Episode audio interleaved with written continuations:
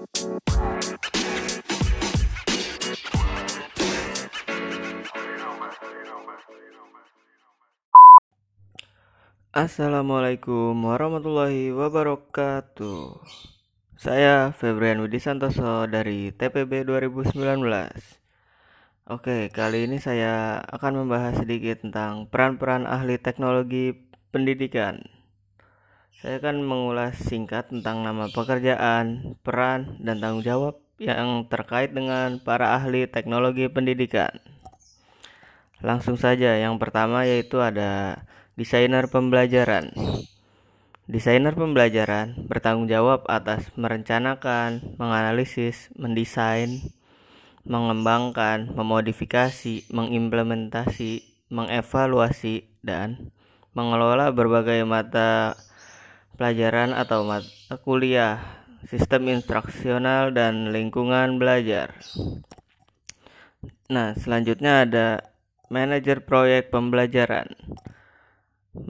Manajer proyek pembelajaran bertanggung jawab atas memimpin proyek pengembangan pembelajaran, mengatur program pendidikan, dan mengelola upaya penciptaan lingkungan belajar. Nah, selanjutnya ada spesialis media. Spesialis media bertanggung jawab atas menciptakan, menemukan, memodifikasi, dan menggunakan berbagai format media Nah, setelah itu ada koordinator teknologi.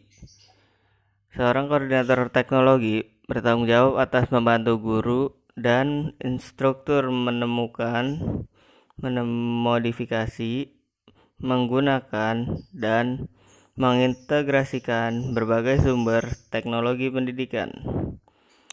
Selanjutnya ada administrator sistem Seorang administrator sistem bertanggung jawab atas mengelola dan mendukung sebuah sistem pendidikan, sistem pengelolaan materi, sistem manajemen belajar, dan lingkungan jejaring yang digunakan untuk mendukung belajar dan pembelajaran. Selanjutnya ada pengembang atau pemrogram. Mereka bertanggung jawab atas pengkodean perangkat lunak yang terkait pembelajaran, dan mengembangkan objek dan sumber termediasi yang digunakan untuk mendukung belajar dan pembelajaran. Nah, setelah itu ada evaluator.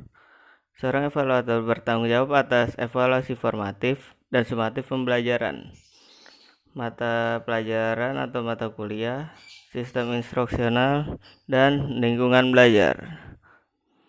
Nah, yang terakhir ada instruktur. Seorang instruktur bertanggung jawab memimpin pembelajaran, tutoring murid, dan memberikan bimbingan belajar dan umpan balik pada konteks belajar formal.